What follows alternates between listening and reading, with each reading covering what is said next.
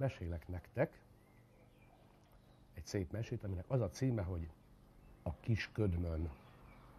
Volt a világon, hol nem volt, volt egy jómódú parasztember, annak volt egy felesége, meg egy leánya. Egyszer oda ment egy szép fiatal legény másod magával háztűz nézni. Tudjátok mi az, hogy háztűz nézni? Az azt jelenti, amikor a leányt egy fiatal legény szeretné feleségül venni, akkor elmegy hozzájuk a házba, és megkéri a kezét a szüleitől. Tehát ez a legény is elment másod magával háztűz nézni. Mindjárt kínálták őket tyúkkal, kaláccsal. Borért is leküldte az ember a leányát a pincébe. Lement a leány, elkezdte vigyázni, hogy melyik a legnagyobb hordó, hogy abból vigyen, mert azt mondta az apja. Amint ott vizsgálódik, szemébe ötlik egy nagy káposztáskő a pince egyik oldalához támasztva. Elgondolkozott a leány, hogy ő érte most itt vannak a háztűznézők, ő most férhez megy, lesz majd neki egy kisfia, annak ő vesz egy kisködmönt a vásárban, a kisfiú egyszer letalál szökni a pincébe, csak ott ugrál, csak ott ugrál a káposztáskő körül, a káposztáskő eldől, a kisfiút agyonöti, kire marad akkor a kisködmön? Ezen a leány úgy annyira elkeseredett, hogy leült az ászokra, és ott sírt. Már odafönn nem győzték várni. Leküldte hát az ember a feleségét is, ugyananyjuk. Eredj le már, nézd meg, mit csinál az a leány ennyi ideig abban a pincében. Tán a bort folytatta el, azért nem mer feljönni. Lement az asszony, látja, hogy ott sír a leány az ászokon. Hát téged mi lehet, hogy oly keservesen sírdogálsz? Hogy ne sírnék, édesanyám, mikor így meg úgy elgondoltam jövendőbeli állapotomat? Azzal elbeszélt, hogy mit gondolt hát el. Az asszony, amint ezt meghallotta, leült a leánya mellé, és ő is rákezdte a sírást. Nagyon megharagudott odafönn a gazda, hogy miért nem jönnek még föl. Nem állhatta meg káromkodás nélkül. Ejnye, szette vette, már bizonyosan a bort folytatták el. Elmegyek, megnézem, hová vesztek. Lement az ember is, még akkor is ott zokogtak azok egymás mellett. Az ember sehogy se tudta elgondolni, hogy mi bajok akadt. Hát, ti mit sírtok, rétok? Mi bajotok esett ilyen hirtelen? Itt elbeszélték neki mindent, úgy annyira elkeserítették, hogy az is közibökült. Segített nekik a sírásban. A kérő se győzte őket tovább várni, kapta magát, lement utánok a pincébe. Sose tudta mire vélni, mikor meglátta őket, hogy mit sírhatnak olyan keservesen. Kérdezi aztán tőlük, azok meg elbeszélték neki. A kérő csak kicsibe múlt, hogy hanyat nem vágta magát, olyan jó ízűt nevetett. No, azt mondja, még ilyen bolond embereket nem láttam, addig megyek, míg három ilyen bolondra nem akadok, mint kentek hárman. Ha aztán akadnék, akkor visszajövök, elveszem a kentek leányát, ha az Isten is úgy akarja.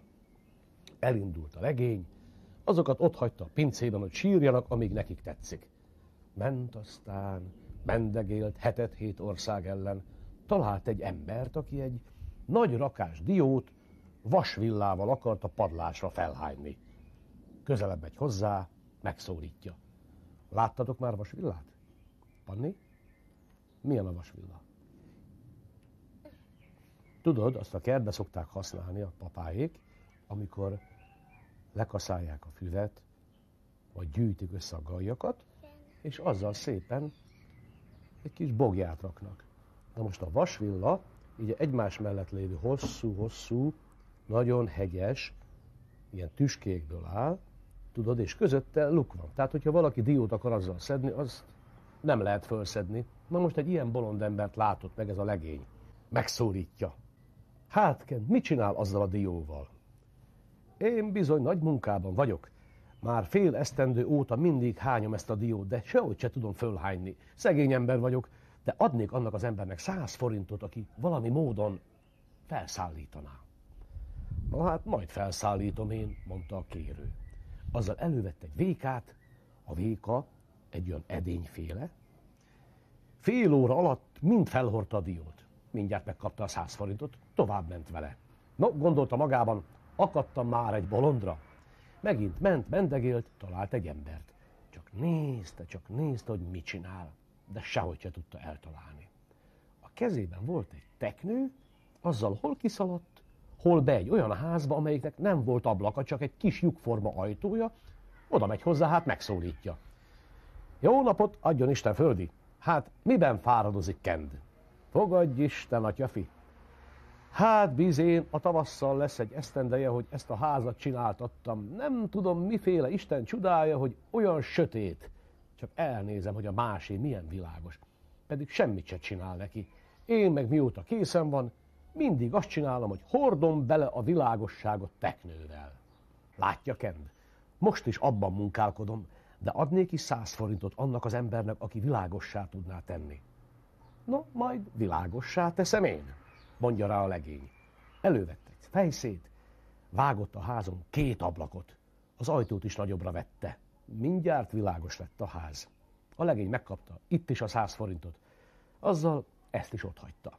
No, gondolta magában, akadtam már második bolondra is. Megint mendegélt, ment, mendegélt, talált egy asszonyt, aki a kis csirkéit erővel dugdosta volna egy kotló alá. Tudjátok, mi a kotló? Hát az a mama csirke, a tyúk. Tudjátok, aki a kis csirkéket kikölti a tojásból, és utána vigyáz rájuk. Na most itt ebben a mesében épp ott tartunk, hogy a legény meglátta azt az asszonyt, aki megpróbálta a kotló alá a kis csirkéket bedugdosni. De sehogy se sikerült neki. Bizén, öcsém, mondja az asszony, ezeket a csirkéket dugdosnám a kotló alá, mert attól félek, hogyha szerteszéjjel szaladgálnak, elkapja valamelyiket a héja. De sehogy se tudom alá dugni, mert ha egyik felől bedugom, a másik felől kibúvik. Adnék is száz forintot annak az embernek, aki jó tanácsot tudna adni, hogy mit évő legyek velük. Azt mondta a legény.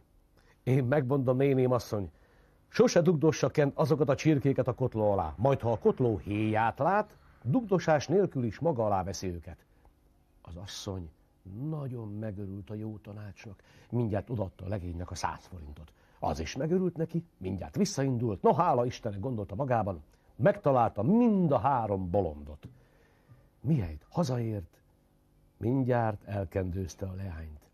Két hét múlva a lakodalmat is megtartották. Többet aztán nem is hallottam felőlük, csak annyit, hogy nekik is lett egy kisfiúk, vettek is neki ködmönt, hanem azért a káposztás kő nem ütötte agyon, még most is élnek, ha meg nem haltak. A mesének vége.